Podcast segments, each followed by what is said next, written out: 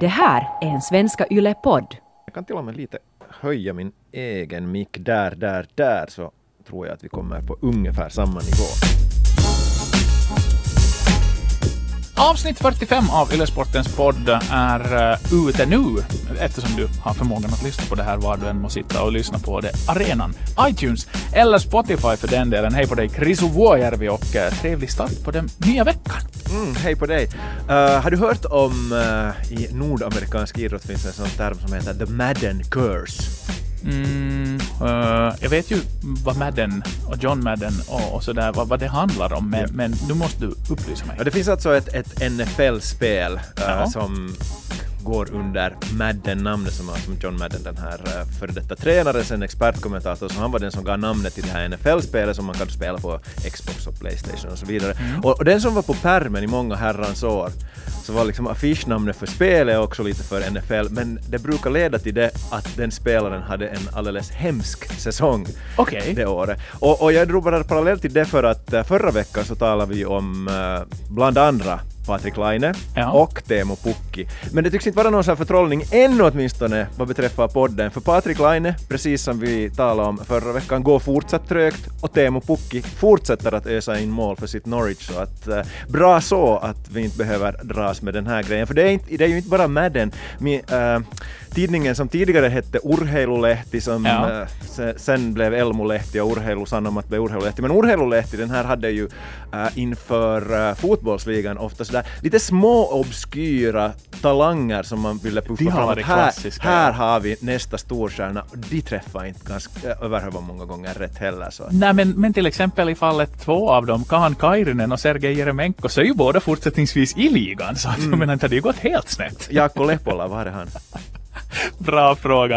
Uh, Laides kurva pekar fortsatt uh, neråt, Puckis kurva pekar fortsatt uppåt. Vi är väl då som en flatline på intensiven, det vill säga jämntjockt. Mm. Men ett år av podden, nu är vi definitivt över ett år med Yle Sportens podd, så Helt grattis. klart, torra bakom öronen.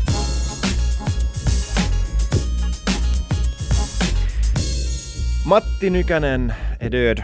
Och det här tog vi ju redan upp förra veckan i podden eh, och vi var ju definitivt inte de enda.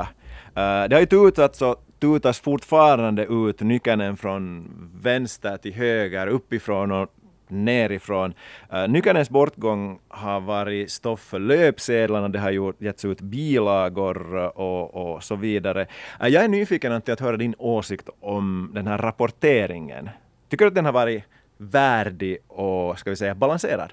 Mm, i, i, stora drag ja. Jag tycker framförallt det sättet på vilket Finland har reagerat och världen för den delen och har sörjt sin, sin stora idrottshjälte så, så har ju speglat någonting av hans status nog. Uh, det var så pass färskt förra veckan när vi pratade om det. Vi gick alltså ungefär in i studion i förra veckans podd med beskedet att Matti Nykänen hade somnat in. Så att, att den här gångna veckan har ju långt gått i, i Nykänens tecken. Vi, Ylesporten, slog troligtvis alla webbesökarrekord uh, i samband med den här nyheten och uh, gav den, tycker jag, de, de proportioner det förtjänade. De stora kvällstidningarna gav ut bilagor, det snabbproducerades dokumentärer, Matti-filmen sändes naturligtvis. Det blev en fin och stillsam hyllning till, till Nykänen också i samband med, med Lahtis. Uh, med undantag för vissa sådana här politiserande klavertramp, och då tänker jag på den där hela statsbegravningsdiskussionen, så tycker jag att, att uh, det är en stor hjälte som har gått bort. Han var en folkets man, han blev något av en ikon och utgör ju också med sitt liv och leverne ett varnande exempel för vad livet kan bjuda på efter idrottskarriären och hur samhället eventuellt kan bli bättre på att, på att värna om sina talanger och, och utnyttja deras kunskap. Men i det stora hela så tycker jag att det har gått helt helt som det ska. Har du själv reagerat mm. på någonting? Jag håller i stora hela nog med dig, samtidigt som jag inte kan låta bli att reflektera över det faktum att Matti Nykänen, jag tror två gånger utsågs till Finlands mest onödiga celebritet på mm. finska då, Turhin Julkis, men uh, skönt att de sakerna kanske nu har glömts bort i, i, i, samband med den här rapporteringen om och kring hans karriär. Samtidigt så, så kan jag väl tycka också att det börjar vara nog nu som befolkning så tycker jag att vi finländare har en tendens lite att frossa i döden. Mm. Och, och, det känns stundvis lite olustigt. Nu talar jag inte bara om det här Nykänen utan, utan i stora drag. Men, men håller du med om att nu så småningom börjar det väl vara dags för oss att låta Matti vila i frid? Ja, absolut. Alltså, det, det här är ett kapitel avslutande sådant på en bok som vi definitivt kan stänga. Och med det i åtanke så tror jag nog att tryckpressarna för tillfället går ganska heta i nyutgåvor kring, kring biografier och dylikt och folk svarvar på, på avtal om att skriva den boken eller ge ut den, den, den definitiva nyckeln, verket och, och ingenting fel med det. Han är en, en av de stora, tvåfaldig årets idrottare väl. Så det är liksom roligt att väga de här två sakerna mot varandra, att man är tvåfaldig årets idrottare med en massa medaljer. Och dessutom med det i bagaget blir man två gånger vald till årets liksom onödigaste celebritet. Så, så nu är det ju en kontrasternas man. Men ja, må han vila i frid. Jag kan inte låta bli att ännu lyfta fram uh, lördagens Österbottens tidning där jag tyckte att, att Roy Fridlund hade en intressant kolumn. Han hade uppenbarligen varit på bröllopsresa för väldigt, väldigt många år sedan, 88 i Australien och då följde rapporteringen som man då gjorde 88 via australiensiska medier från vad som hände i Calgary och det stora, intressant nog, det stora, nästan största vid sidan av Bob var Matti Newkenen i Australien 1988. Det säger ju liksom någonting, men, men, men, men jag ville bara lyfta fram det, det var en intressant och är reflektion. Roy Fridlund den här som skriver om obskyra fotbollsserier? Ska inte säga sådär, Roy är Roys ruta ja, och det är långt ifrån obskyrt, det är en institution.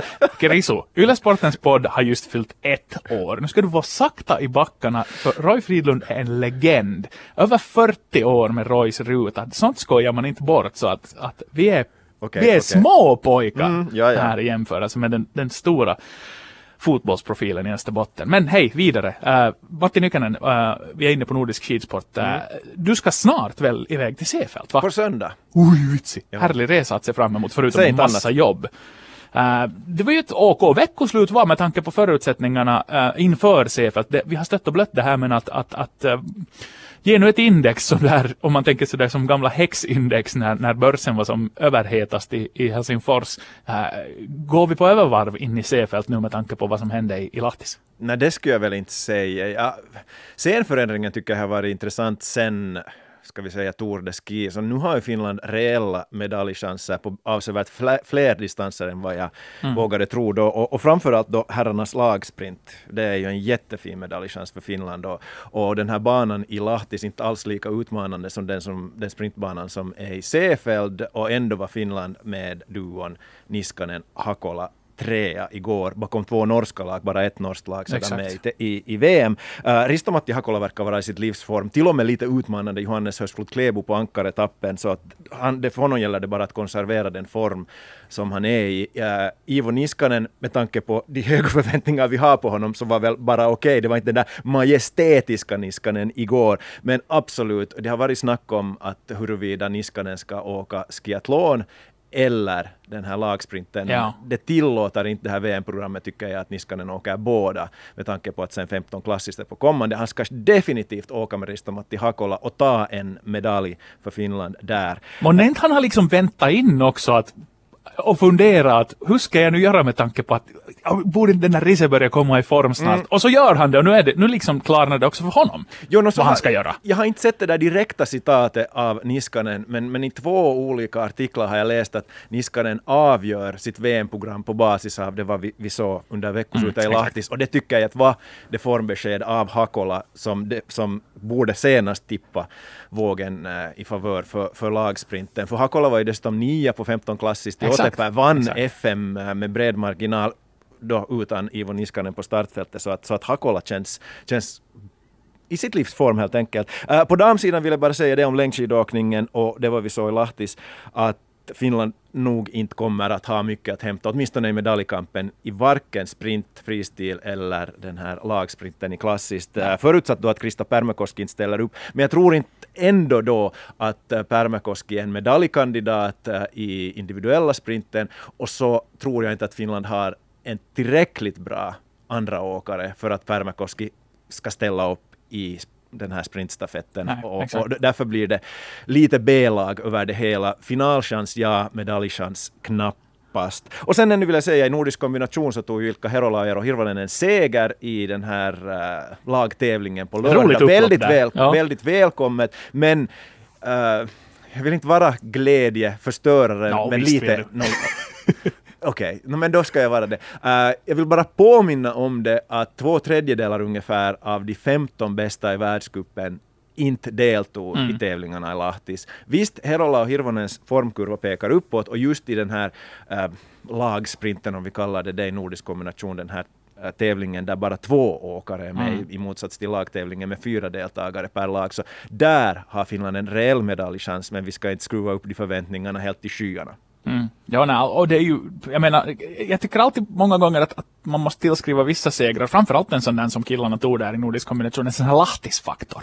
Just det här att, att, att startfältet är vad det är och, och det är hemmaplan och det, det är liksom en, en, en härlig uppslutning. Så att jag menar, det bidrog ju säkert. Och sen, man ska inte underskatta betydelsen att kunna vinna en tävling med tanke på vad det ger för den fortsatta satsningen mot säsongens huvudmål. Så att, att, att jättepositiva besked naturligtvis, men jag är också lite mer av där att, att liksom lite sakta i backarna. Det är ju på sätt och vis sådär där att vad ska vi nu säga, att, att vi, har, vi har jättemånga om och otroligt få då inför C-fält. Mm. Det vill mm. säga, äh, saker kommer att realiseras och då, då blir det en till två medaljer. Men om en hel del av de här ommen blir verklighet så då är vi ju uppe i 56 i bästa fall. Och nu är jag liksom tokoptimistisk när till och med backhopparna börjar visa lite framfötter.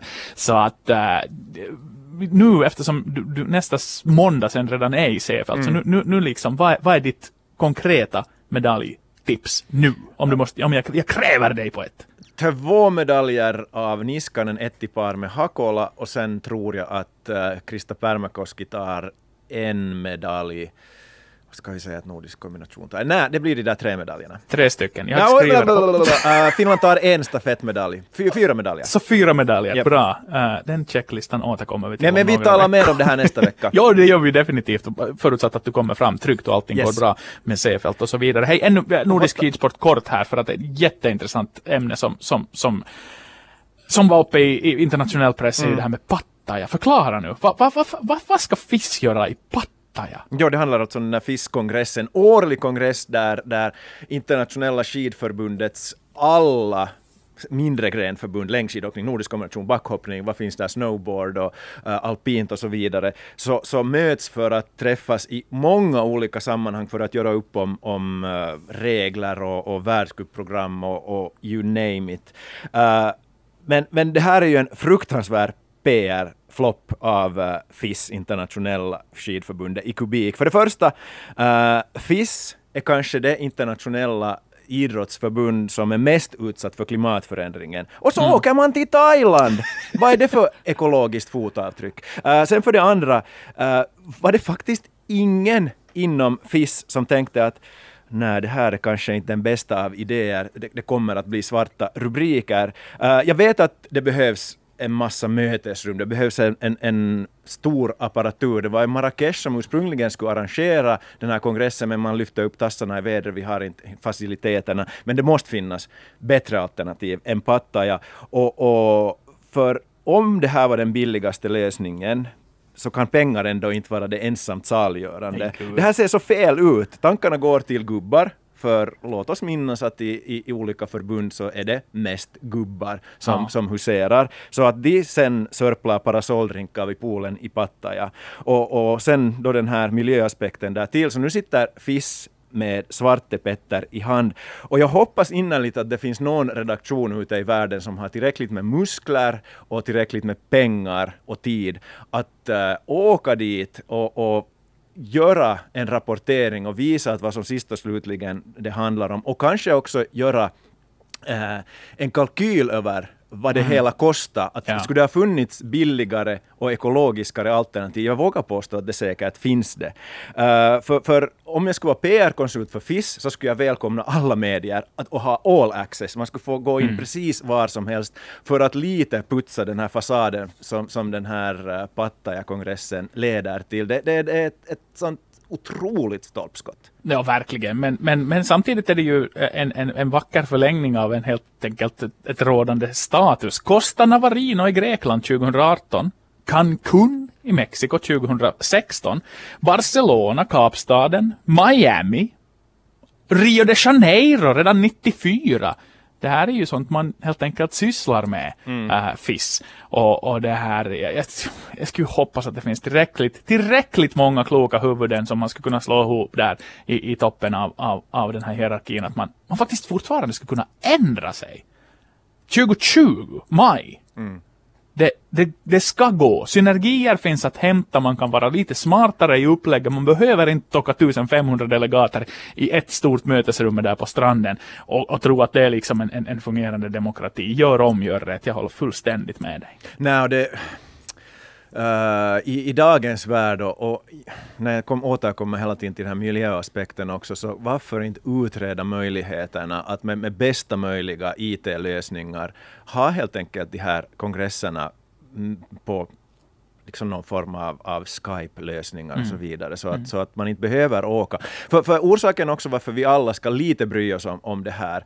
Uh, Finska skidförbundet skickar sin delegation dit. Uh, skidförbundet uh, finansieras delvis, största finansiären, om jag inte är helt ute och cyklar nu, är staten. Mm. Och, och då har vi ju alla varit med och finansierat de här resorna delvis. Plus att äh, finska skidförbundet då tar in inkomster via licenser och så vidare, så det är alla de här härliga skidåkarna och, yes. och föreningarna som sliter med talkoarbete och så vidare, mm. som också delvis finansierar de här resorna som, som det finska förbundet äh, pungar ut för att, för att resa till, till Pattaya. Och det samma läge är det ju, är det ju överallt. Så att ja. äh, det, här, det här är inte bara en, en sån här att jag är upprörd och, och FIS vägnar för att eh, de klantar till sig här, för att det, det är också pengar som, det, som bränns på onödigt. fullständigt orimligt.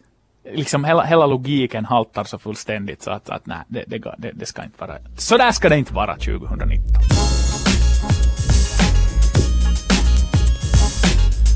I den andra halvleken av Yle Sportens podd äh, återkopplar vi till någonting som hände under veckoslutet och fortsätter att hända. Kommer att fortsätta att hända med tanke på två lag som är involverade i Premier League-titelfighten. Vi måste ju Chris prata om, no, för det första så vill jag ju beklaga det skedda.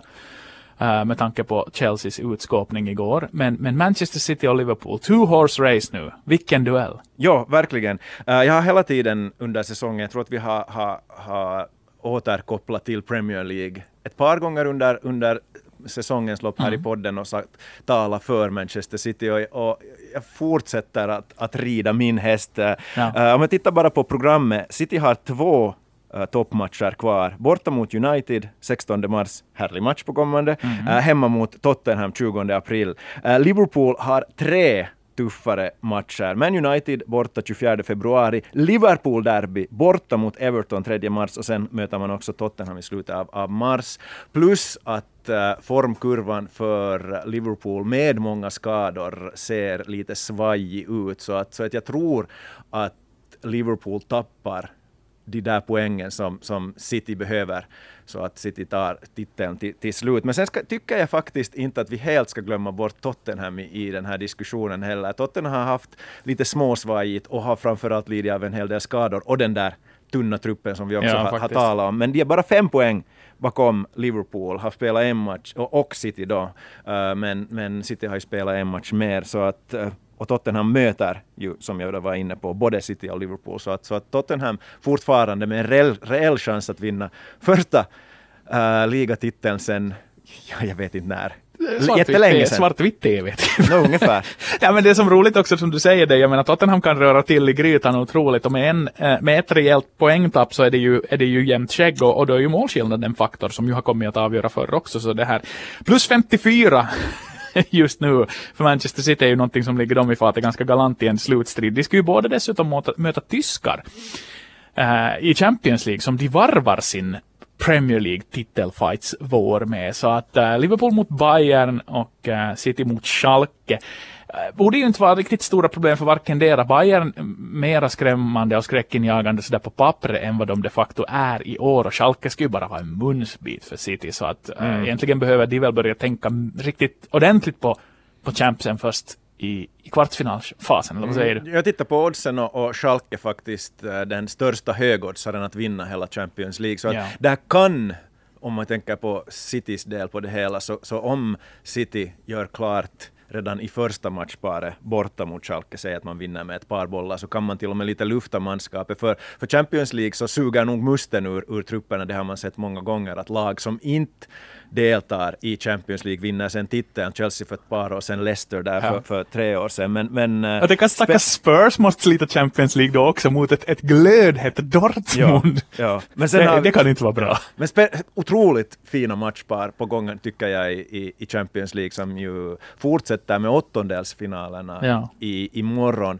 Uh, kvartsfinalskedet tycker jag är det allra, allra roligaste i, i Champions League. Men Man United mot PSG, vilket härligt matchpar imorgon på tisdag. Ja. Uh, och sen nämnde du uh, Tottenham mot Dortmund tycker jag, och, och Dortmund alltså toppar Bundesligan och, mm. och, och, så vidare. Så att, och jag kan inte heller låta bli att tycka att, att matchen mellan Ajax och Real Madrid på onsdag inte lite fascinerande. Real Madrid givetvis solklar favorit där, ja. men, men, men Ajax är ett så spännande lag just nu. Man har Frenkie de Jong, var han 21 år, mm. som är på väg till, till Barcelona för, var det över 60 miljoner? Ja, nej, och, och sen den här mittbacken Mattis de Ligt. Jag, jag följer inte med den här holländska ligan så bra, så därför tycker jag det är spännande att få se hur bra den här 19-åringen de Ligt egentligen är. Hans, uh, enligt Transfermark, den här webbsajten, så är hans uh, värde 65 miljoner euro. Gör han bra matcher mot Real Madrid så kan man väl lägga en åtminstone 10 miljoner till. Det är verkligen, verkligen. Och det, det är ju, uh, det som är lite surt tycker jag, vilket jag tyckte var jättebra med Champions League hösten var det att man, man, man matchade både 8 och 10.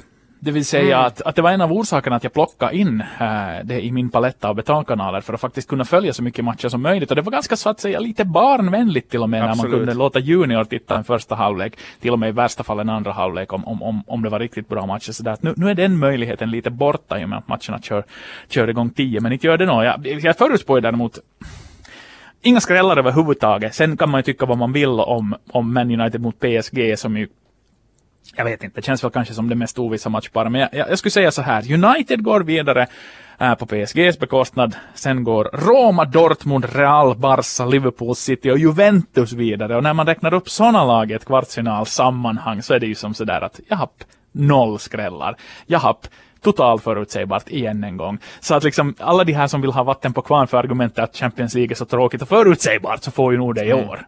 Men vem tar hem sen själva bucklan? Oj, gästas. Den frågar du svårt. Ja, det är jättesvårt. kan vi återkomma? Vi återkommer. Och här krävde jag dig på ett direkt svar Nej, på medaljerna. Jag är snällare. Men du är snäll, tack. Yes, men det är Antti, sympatiskt du, av dig. du det där äh, referera förra veckan, förra veckoslutet, förra helgen. Den säsongen, igår! ja, tre, äh, säsongens tredje Eurohockey Tour-turnering, det vill säga Sweden Hockey Games. Äh, Finland slutade sist, yes. trots en avslutande mm, straffläggningsseger över Sverige. Uh, jag är intresserad att höra, då jag var själv i Lahtis så kunde jag inte följa med lika nitiskt som tidigare. Vem eller vad och vad var den stora blåvita behållningen? Mm, jag skulle säga att jag är benägen att hålla med Heikki Miettinen på Helsingin Sanomat som uh, här idag eller sent igår, jag vet inte när han har publicerat texten, men skriver att det enda beskedet, den enda VM-resenären vi behöver, överhuvudtaget behöver bry oss om är Veini Vehviläinen. Och, och, det kan jag nog hålla med. Det var ju ingen lätt turnering för Jukka Jalonen det här. Han tog ut en trupp som decimerades redan i början. Fyra spelare försvann. Han tog in en till. Uh, sen plockade han in spelare mellan torsdagsmatchen i Jaroslavl till Hovet och ännu på Hovet på söndag så föll spelare bort och han rådde till det i truppen. Så att liksom absolut ingen lätt uppgift för Jere Lehtinen och Jukka Jalonen. Och sen inte vet jag egentligen vad den här helgen gav för dem. Jag tycker Jere Lehtinen sa det jättebra i en intervju till Yle då han, han eh, på något vis klädde i ord det som man ju vet att det handlar om, det vill säga att de här tre turneringarna har nu varit en bra koll på var våra europeiska spelare ligger i relation till resten av kontinenten. Nu åker vi till Nordamerika på scoutingresa, vilket vi ju gjorde i praktiken, eller gör väl i slutet på den här veckan. Och sen VM-truppen är någonting helt annat. Det blir ju ett otroligt bra dukat bord i EHT-turneringen i Tjeckien mm. eftersom den spelas så nära äh, VM. Den spelas ju i början på maj, alltså veckoslutet före VM sen ska köra igång. Så där kommer det ju vara helt vansinnigt bra trupper på Precis. benen. Nästan så gott som VM-lag och den där turneringen har vi ju privilegiet att få sända även om vi inte har sändningsrättigheterna längre till VM-turneringen så att där är någonting hockeygodis att se fram emot i maj. Men att Veini Vehviläinen ett utropstecken, roliga svenska juniorer i Bemström och Lundeström, det gjorde ju ett, ett, ett jätteintryck redan där äh, med ett sånt här moget spel uh, och skvallrar om att, att svensk juniorproduktion fortsätter att leverera i mm. Elias Petterssons fotspår men att i övrigt inte liksom riktigt, riktigt mycket att, att rapportera därifrån. Förutom då att Veini Vehviläinen får bara, får gärna vara tredje keeper i en trupp som då lutar på Ja, det ja. återstår att se ja, vem men, de två andra målvakterna ja, blir utan att ha, ha sett annat än, än höjdpunkterna då från, från veckoslutet så tycker jag väl till och med att Veini Vehviläinen har en uh, hyfsad chans att vara målvaktstvåa för att uh, det är inte så hemskt mycket målvakter på kommande Nej, från, från NHL. Jag var, om, om Jere Lehtinen ska gå och scouta till Nordamerika så, så jag gjorde så lite webbscouting yes. om, om läget i NHL och, och, och, jag vill först och främst betona, poängtera det att uh, jag hoppas att så många finländare som möjligt av våra, framförallt våra stjärnor får spela i NHL-slutspelet, går långt där. Men om vi tittar på tabellen just nu så, så finns det spelare som lär bli VM-potentiella. Uh, vi har Mikko Rantanens Colorado under slutspelsträcket, men hans kontrakt går ut, han ska mm. förhandla. Mm. Om han inte har ett nytt kontrakt så tycker jag att eh, Rantanen ska tacka nej till VM. Det är allt för mycket pengar på spel för honom. Men däremot Alexander Barkov, Henrik Borgström, potentiella två bra mm. centra ska vi ha där, framförallt Barkov. Uh, Sami Vatanens New Jersey lär inte gå till slutspelet, men Vatanen har lider av en hjärnskakning som, som, och det känns uh, lite obehagligt. Jag tror det var redan andra inom den här säsongen som han åkte på här nyligen. Mm. Uh, Sebastian Aho, Teo Teräväinens Carolina, vi minns hur de gjorde i VM i fjol. Men Aho, precis samma läge som Mikko Rantanen, Just, ja, kontraktsförhandlingar exakt. på gång. Teo Teräväinen däremot tecknar ju ett uh, mångårigt kontrakt här. Var det till och med förra veckan eller veckan innan? Mm. Uh, Rasmus Ristolainen Buffalo. Iklädd i Pippo dessutom. Ja. Kostym och Pippo. Stor diskussion. ja, jag, jag, kan inte tycka att det är så farligt. Det, inte i hans fall. 20,5 mille så får man ha Pippo. Ja, Rasmus Ristolainen, Henri Jokiharju, Buffalo, Chicago. Mycket välkommet med två ja, NHL-backar. Uh, Mikko Koskinen tycker jag är den enda VM-aktuella av de finländska målvakterna just nu. Han har väl ett långt förflutet av att faktiskt vara med. Alltså med mm. tanke på hans SKA-bakgrund. Han är ju, och varit han är, bra. Han är ju veteran, ja. VM-veteran. Ja. Men ja. Jesse Puljujärvi, också en av, av liksom Jukka Jalonens mannar från, från JVM. Ja. Samma läge, kontraktet går ut och Markus Granlund i Vancouver. Så att det kan hända att det blir tunnsått med finländare i, i VM eh, i, i Slovakien. Samtidigt, så, stolparna, ja. Mm, samtidigt som, som de här kontraktsförhandlingarna mellan klubbarna pågår ju hela tiden så att det kan bli, bli ett läge där både. Rantanen och Aho sist och slutligen kan ställa upp eftersom de har tecknat ett åttaårigt kontrakt till exempel. Och sen fanns det ju nog mycket namn i Europa fortsättningsvis jo, som var långt utanför truppen det här veckoslutet men ändå kan komma på fråga med Juuso Hietanen på bakposition och sådana liksom spelare som, som Jalonen har tytt sig till tidigare som nog absolut kan plockas in så att vi är klokare i maj och det blir ju också roligt att se hur det går där med tanke på att vi har, vi har mycket VM, alpina VM, skid-VM, skidskytte-VM och sen ännu faktiskt dam-VM i fotboll efter ishockey. Och dam-VM i ishockey sa du det? Dessutom på hemmaplan och det är mm, först ut av de här mm. bollsports-VM, verkligen. Och det sänder vi ju faktiskt.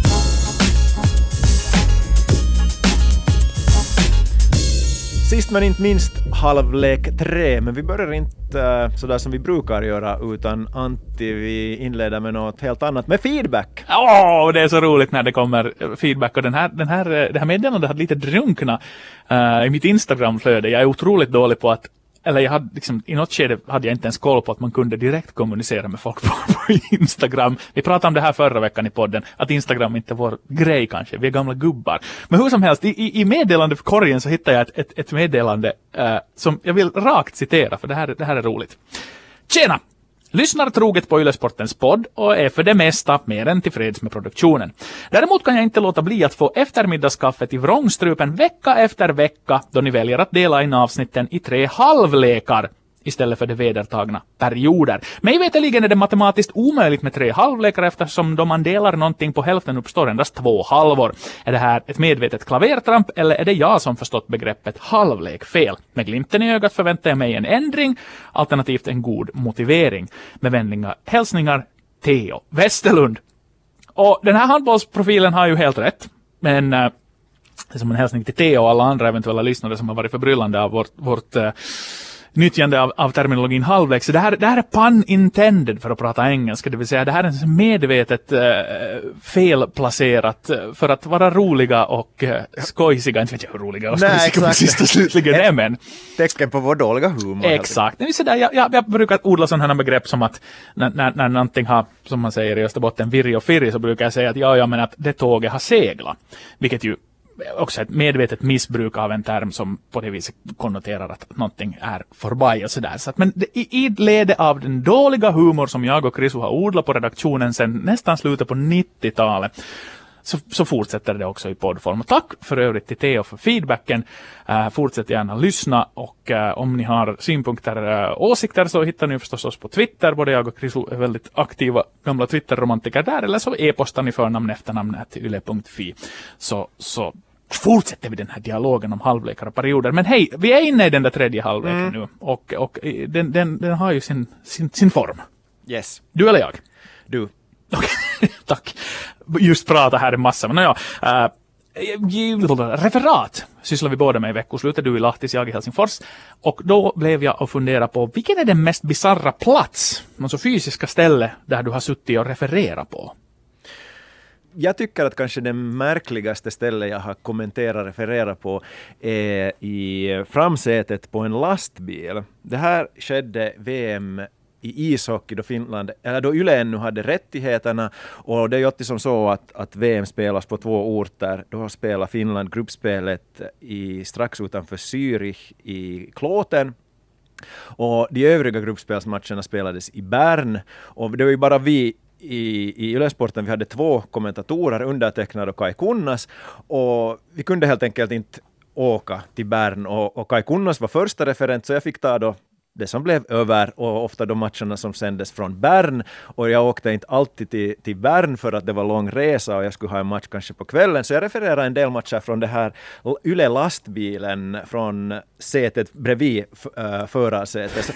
Äh, där var en, en, en TV-apparat på den här instrumentbrädan. Inget bord hade jag, så att de här pappren så tejpade jag upp längs med, med fönstren och hade en del i famnen.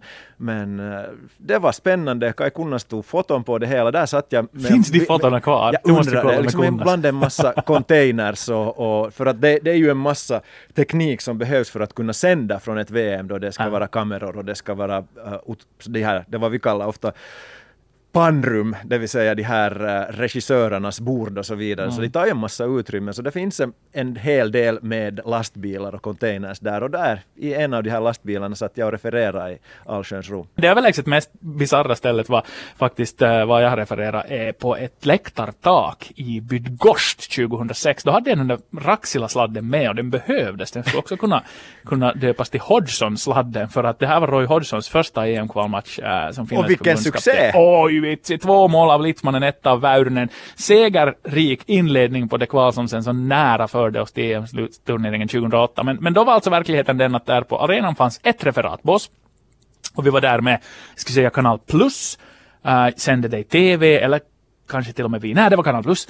Äh, uh, Jarmo Lehtinen med kommentator Mardi Kuusela från, från finska radion och jag då. Och redan med, med, med TVn så var det ju trångt i det där båset. Och sen ympade man in Mardi och, och Jarmo så att Jarmo satt med papperna framför sig och, och Kuusela stod och höll honom om axlarna och spanade ut över hans, hans huvud och så matchen. Och då var det som så att jag hade koivukangas då.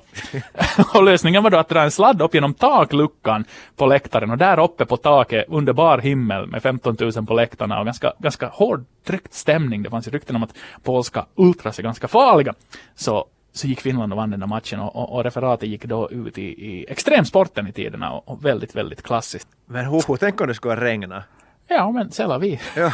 det, det, lever man med. Nu hade säkert arrangörerna skulle kanske vaska fram något polskt paraply där som ska, ska ja. rädda situationen. Den där arenan är ju för övrigt ganska sådär, inte ökänd utan riktigt känd som en, en fin friidrottsarena. Ja, Lena Spov hade i många herrans år finländska rekordet på 100 meter häck och, och det brukar... Satt i Bydgoszcz. Ja, och det nämndes oh! ju gång efter gång alltid och, och ofta sådär att, att uh, de som kommenterar så överdrev betoningen av det.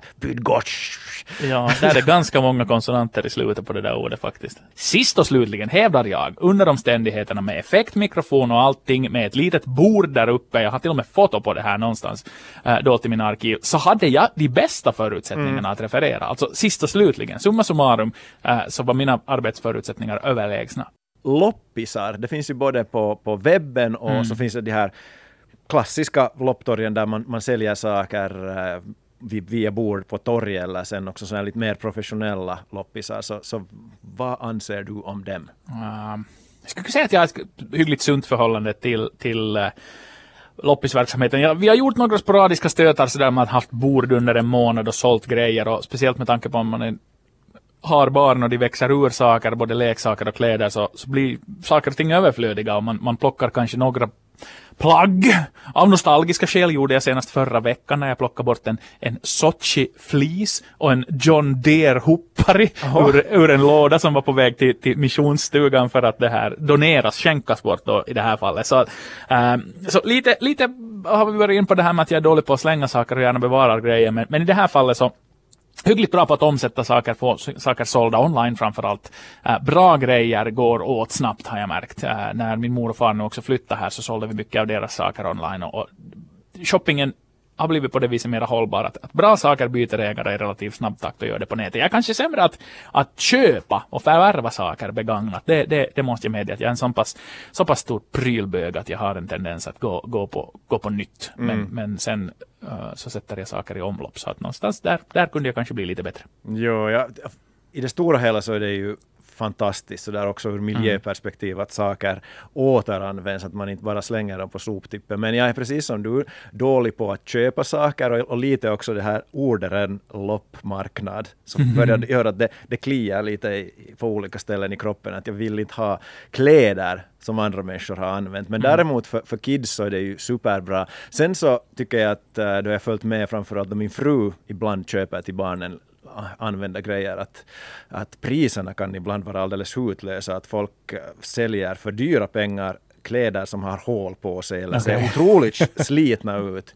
Men, men, men i det stora hela så, så är det suveränt och jag är förvånad också över hur stort sug det finns. Jag satt sådär online, uh, har jag sålt TV, jag har sålt uh, gammal servis som jag fått ärva och, och, mm. och, jag är dålig på att, på att sätta pris på det för jag är bara lycklig om någon kommer och hämtar det. Jag, jag förnyade min, min uh, TV och sålde bort min gamla 42-tummare. Jag var sådär hur mycket text jag ber för den. Mm. Och så kollade jag att, att samma TV som jag hade, som var över tio år gammal, så, så försökte någon sälja för typ 150 euro. Ja. Och för samma pris får du nästan en ny TV. Ja, så jag satte 20 euro och inom loppet av uh, en halvtimme hade jag sju e-postmeddelanden. Jag vill ha den, jag vill ha den och någon till och med ringde och kom och hämtade den. Och det är fantastiskt om man inte själv behöver bry sig om det där. Det, det är bara någon som ringer på, hämtar bort sakerna och, och så får man en liten slant för det. No, det finns ju också en businessaspekt i det där att om du ser någonting som du, du inser att hej, att om jag köper den här för en 20 mm. och sätter ut den för hunti imorgon så får jag den ändå såld så att liksom, eventuellt kan du ha blivit det, offer för loppismänniskohandel. No, det där, det, det, är ju en av de här stora leksaksaffärerna som gick i konkurs mm sålde den väl nu på veckoslutet för minus 90 procent. Ja. Och där vågar, jag, ja, där vågar jag påstå att en del hamnar i omlopp på nytt och, och folk jo, jo. försöker sälja det för en dyrare, dyrare peng. Och sen finns det här i Helsingfors de här klassiska loppmarknaderna på, på olika torg. Och där mm. lär ju finnas proffs. Då, då jag har haft vänner som har haft ett bord där, hyrt ett bord, så när de sätter fram sina, sina plastpåsar med saker som de ska lägga fram, så finns det folk som kommer och rotar i dem för att hitta fynd och för att uh, sen antagligen sälja dem vidare för att de då kanske inte har vetat vad de här uh, prylarna, kläderna egentligen är värda. Och det tycker jag är lite osympatiskt. Mm. And on that note yes. uh, så säger vi tack och hej och uh, jag säger väl, vad heter det på tyska?